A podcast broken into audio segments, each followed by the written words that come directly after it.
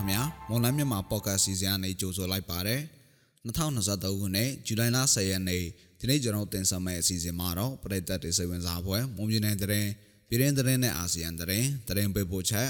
ပြည်သူတွေသိထားတဲ့နဲ့နိုင်စဉ်ကုန်စင်တော်တရင်ချို့တွေကိုအစီအစဉ်ပထမပိုင်းမှာရွေးချယ်တင်ပြပေးသွားမှာဖြစ်ပါတယ် ဒါအပြင်ပြည်သူ့ကာကွယ်ရေးတပ် PDF တွေနဲ့ပူးပေါင်းလှုပ်ရှားနေတဲ့ကချင်တပ် KIA ကိုဖိအားပေးလိုတာကြောင့်စစ်ကောင်စီကထိုးစစ်ဆင်တိုက်ခိုက်တာဆိုတဲ့သတင်းပေးပို့ချက်ကိုလည်းတင်ဆက်ပေးပါဦးမယ်။ဟုတ်ပါဒီနေ့အစီအစဉ်မူကတော့ကျွန်တော်အာကာတာဝန်ယူတင်ဆက်ပေးတော့မှာပါ။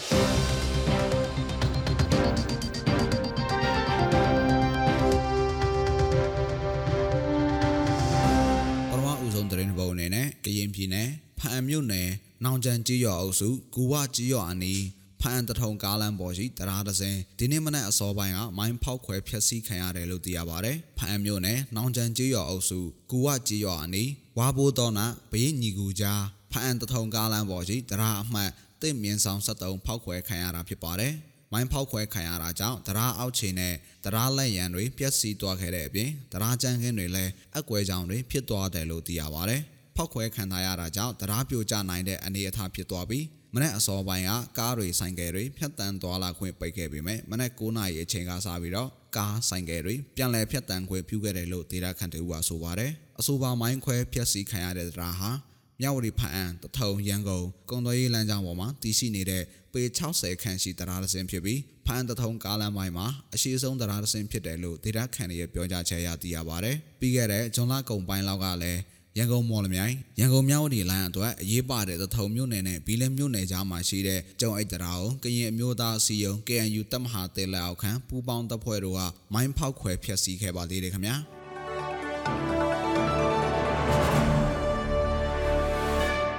နောက်ထပ်တဲ့ပုံအနေနဲ့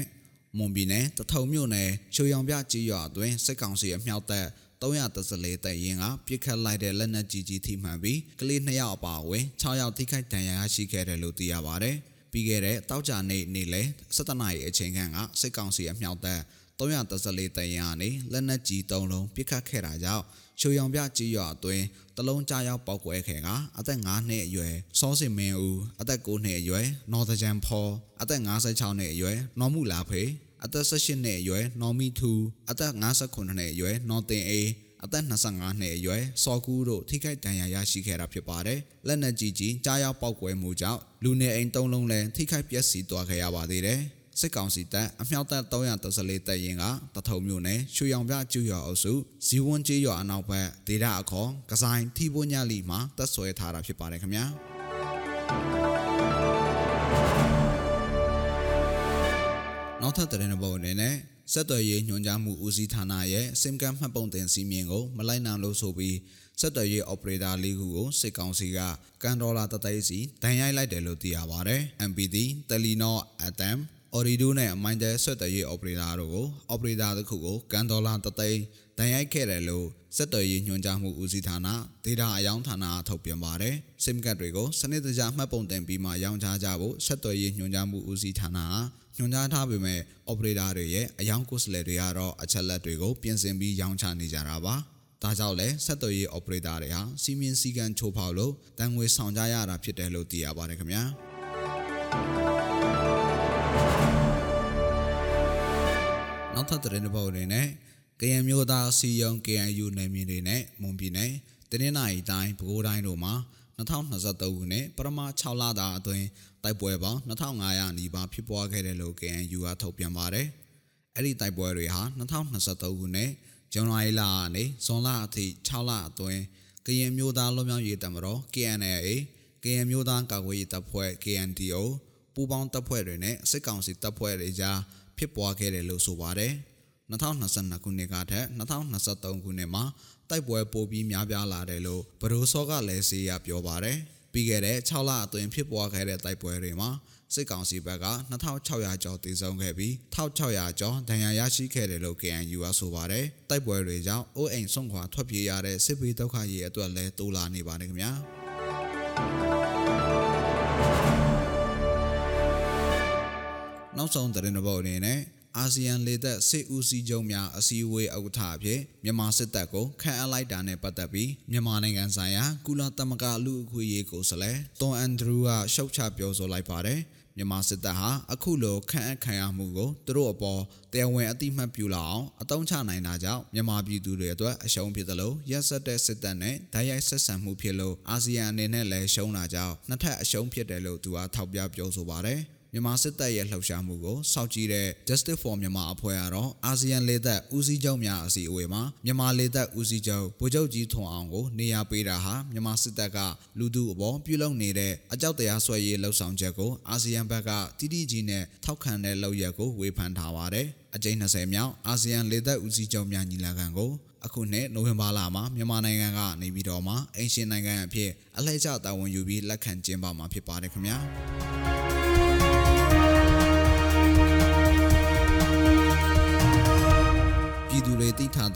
စင်ကုန်စင်လုံးသတင်းချိုးတွေကိုမော်လမြိုင်ကုန်စည်တိုင်းကအချက်လက်တွေကိုအခြေခံပြီးတင်ဆက်ပေးပါဦးမယ်။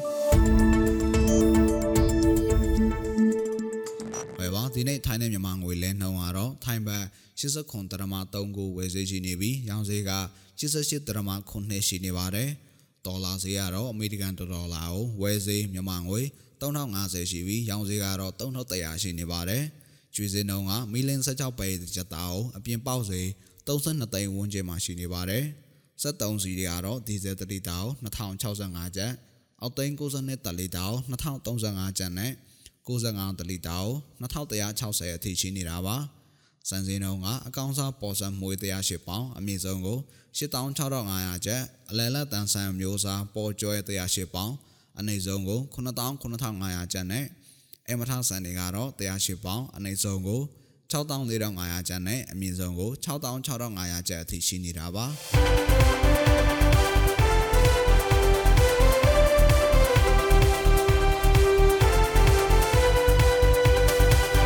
အခုတင်ဆက်ပေးတော့ခဲ့တာကဇူလိုင်လ10ရက်နေ့မှာဖြစ်ပျက်ခဲ့တဲ့မွန်ပြည်နယ်သတင်းပြည်တွင်းသတင်းနဲ့အာဆီယံသတင်းတွေအပြင်တနိဒာစီစိငွေစိနဲ့ကုန်စည်နှုန်းတွေကိုတင်ဆက်ပေးသွားခဲ့တာဖြစ်ပါတယ်။ ဆက်လက်ပြီးတော့ပြည်သူ့ကာကွယ်ရေးတပ် PDF တွေနဲ့ပူးပေါင်းလှုပ်ရှားနေတဲ့ကချင်တပ် KIA ကိုဖိအားပေးလိုတာကြောင့်စစ်ကောင်စီကထိုးစစ်ဆင်တိုက်ခိုက်တာဆိုတဲ့သတင်းပေးပို့ချက်ကိုနဒီယာတင်ဆက်ပေးပါဦးမယ်။ကချင်လွတ်လပ်ရေးတပ်မတော် KIA နဲ့ပြည်သူ့ကာကွယ်ရေးတပ် PDF တို့ပူးပေါင်းနေတာကိုဖိအားပေးလိုတာကြောင့်စစ်ကောင်စီက KIA ဌာနကြောင့်လိုင်စာမျိုးအနေကိုတိုက်ခိုက်တာဖြစ်နိုင်တယ်လို့မြန်မာနိုင်ငံရေးလေလာတုံးသက်သူအရဲထွန်းကပြောပါတယ်။ KIA အနေနဲ့ PDF တွေပူးပေါင်းကစကိုင်းတိုင်းဘက်ကိုထိုးဖောက်ဝင်ရောက်လာကြောင်းဒါကြောင့်စီရင်နဲ့ဖျားပေးတာဖြစ်နိုင်တယ်လို့သူကဆိုပါတယ်အခုကတော့အဝေးဦးစီးချုပ်ကိုနိုင်ကအာဒီဟိုအကြီးအကဲနိုင်ငံတော်အကြီးအကဲတာဝန်ယူထားတော့ဟိုသူကဆုံးဖြတ်တာတော့တက်ကတော့ဒီဟို ဖြည့်ရဲမှာတော့ မဟုတ်ဘူးပေါ့နော်အဲဒါပေမဲ့ ဘာကြောင့်ဟိုဟာလုပ်တယ်ဆိုတာက ပြောဖို့ခက်တယ်ဖိအားပေးချင်တာတော့ဖိအားပေးချင်တာတခုတော့ သေချာတာပေါ့နော်။သူက KIA က PDF တွေနဲ့ ပူးပေါင်းပြီးတော့ မြန်မာနိုင်ငံအထက်ပိုင်းပေါ့စစ်ကိုင်းတိုင်းတို့ ဘာတို့ဝင်ရောက်ထိုးဖောက်ပြီးတော့ တိုက်နေတာ တိုက်ခိုက်နေတာကိုး။တိုက်ခိုက်နေတော့ ဒီဘက်က အရှေ့မြောက်ဘက်က TNLA တို့ MNDAA တို့နဲ့ ပူးပေါင်းပြီးတော့ ထိုးဖောက်လာတဲ့ PDF တွေကိစ္စကတော့ တရုတ်ကနေတဆင့် ပြောလိုက်တော့ ဟိုအဖွဲ့တွေကလည်း နားထောင်တယ်။နားထောင်ပုံရပါတယ်။နားထောင်ပုံရတယ်။ပြီးတော့ အဲဒီဘက်မှာတော့ တိုက်ပွဲတွေက နည်းနည်းအေးသွားတာပေါ့နော်။အေးသွားတာ တွေ့ရတယ်။ KIA ဘက်ကိုကျတော့ တရုတ်ရဲ့ဟိုဟာကိုနားမထောင်လို့များ ဖိအား သူက စစ်ရေးနဲ့ ဖိအားပေးသလားပေါ့နော်။ KIA ဟာစကိုင်းတိုင်းဒေသကြီးအတွင်းကပြည်သူ့ကာကွယ်ရေးတပ်ဖွဲ့ PDF ဒေသခံကာကွယ်ရေးတပ်ဖွဲ့ LDF တို့ကိုစစ်တင်တန်းများပေးတာလက်နက်ခဲယံတွေထောက်ပံ့တာပူပေါင်းစစ်စင်ရေးတွေလှုပ်ဆောင်တာလက်နက်ခဲယံတွေရောင်းချပေးနေတာတွေလုပ်နေတယ်လို့ဒေသခံတွေကပြောပါတယ်ပြီးခဲ့တဲ့ဇူလိုင်တရက်နေ့ကစတင်ပြီးစစ်ကောင်စီနဲ့ KIA တို့နန်းဆန်းရန်မှာတိုက်ပွဲဖြစ်ပွားခဲ့တာလက်ရှိချိန်ထိ နှစ်ဖက်စီရေးတင်းမာနေကြောင်းသိရပါတယ်လက်ရှိမှာနှစ်ဖက်စီရေးငြိမ်နေကြောင်းစစ်ကောင်စီဘက်ကစစ်အင်အားဖြစ်လာတဲ့အတွက်တိုက်ပွဲပိုပြင်းထန်လာမှာကိုစိုးရိမ်တယ်လို့ကချင်ပြည်နယ်မှာဒေသခံသူကပြောပါတယ်။အခုတော့နည်းနည်းတော့ငြိမ်နေတဲ့သဘောငြိမ်နေတဲ့သဘောဆိုတာကဒီဗမာစစ်တပ်ဘက်ကမတိုးရင်တော့သူတို့သူတို့ကကျတော့ငြိမ်နေတာပေါ့ဒီဘက်ကထိုးစစ်မရှိရင်တော့ငြိမ်တာပေါ့ အဲ့ဒါကြောင့်အများအပြစ်ကဒီသူတို့ဟိုအခုဗမောတက်လာတဲ့ဟာရဲ့ဒီကျနာတက်လာတဲ့ဟာနည်းနည်းစုပြုံလာပြီဆိုတော့ခါတဲ့အလုံးရင်းနဲ့တက်လာမလားပေါ့အဲ့ဒါတက်လာပြီဆိုတော့လေရင်ပြန်လဲလာမယ်လို့ထင်တာပဲခုတနေ့ညကျတော့ဘုံလာကျဲတယ်ပြောတယ်ဟုတ်တယ်လောလောဆယ်တော့ပြေရဘက်ကထိုင်လာတယ်သူတို့ကကျတော့ဒီအောင်ကြဆိုတဲ့ဟိုဘက် အဲ့နန်ဆန်ချောင်းရဟိုဘက်ကကုန်းကုန်းပေါ့အဲ့ဒီကုန်းမှာသူတို့ထိုင်နေအရင်ကတည်းကထိုင်နေဟာအဲ့မှာကျတော့ဟိုအဲ့အောင်ကြမှာကျတော့ဗမာစစ်တပ်ထိုင်တာပေါ့အခုဗမာစစ်တပ်ကအပမှာနည်းနည်းစုနေတယ်ထင်တယ်အဲ့ဒီမှာရောအိုးဘာလဲလွယ်လွယ်မော့ဆိုတဲ့ဟာအဲ့ဒီမှာလွယ်မော့မှာမနေ့တနေ့နည်းနည်းမိုင်းရွာထိပ်မှာမိုင်းခွဲလို့ဆိုလာအဲ့ရွာသားတွေလည်းအကုန်လုံးစုပြုံပြီးတော့ခေါ်ထားတယ်လို့ကြားတယ်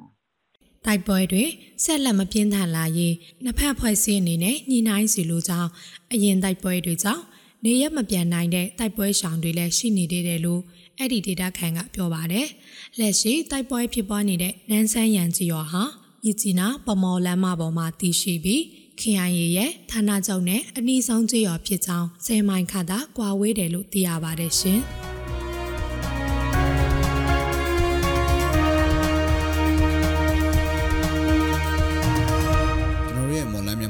အစီအစဉ်ဒီမှာတင်ပြီးဆုံးပါပြီ။နားဆင်ကြတဲ့ပရိသတ်အားလုံးကိုနောက်နေ့အစီအစဉ်တွေမှာဆက်လက်အားပေးကြပါအောင်လို့ဖိတ်ခေါ်ရင်းအစီအစဉ်ကိုဆုံးသက်ပါရစေ။အားလုံးကိုကျေးဇူးတင်ပါတယ်ခင်ဗျာ။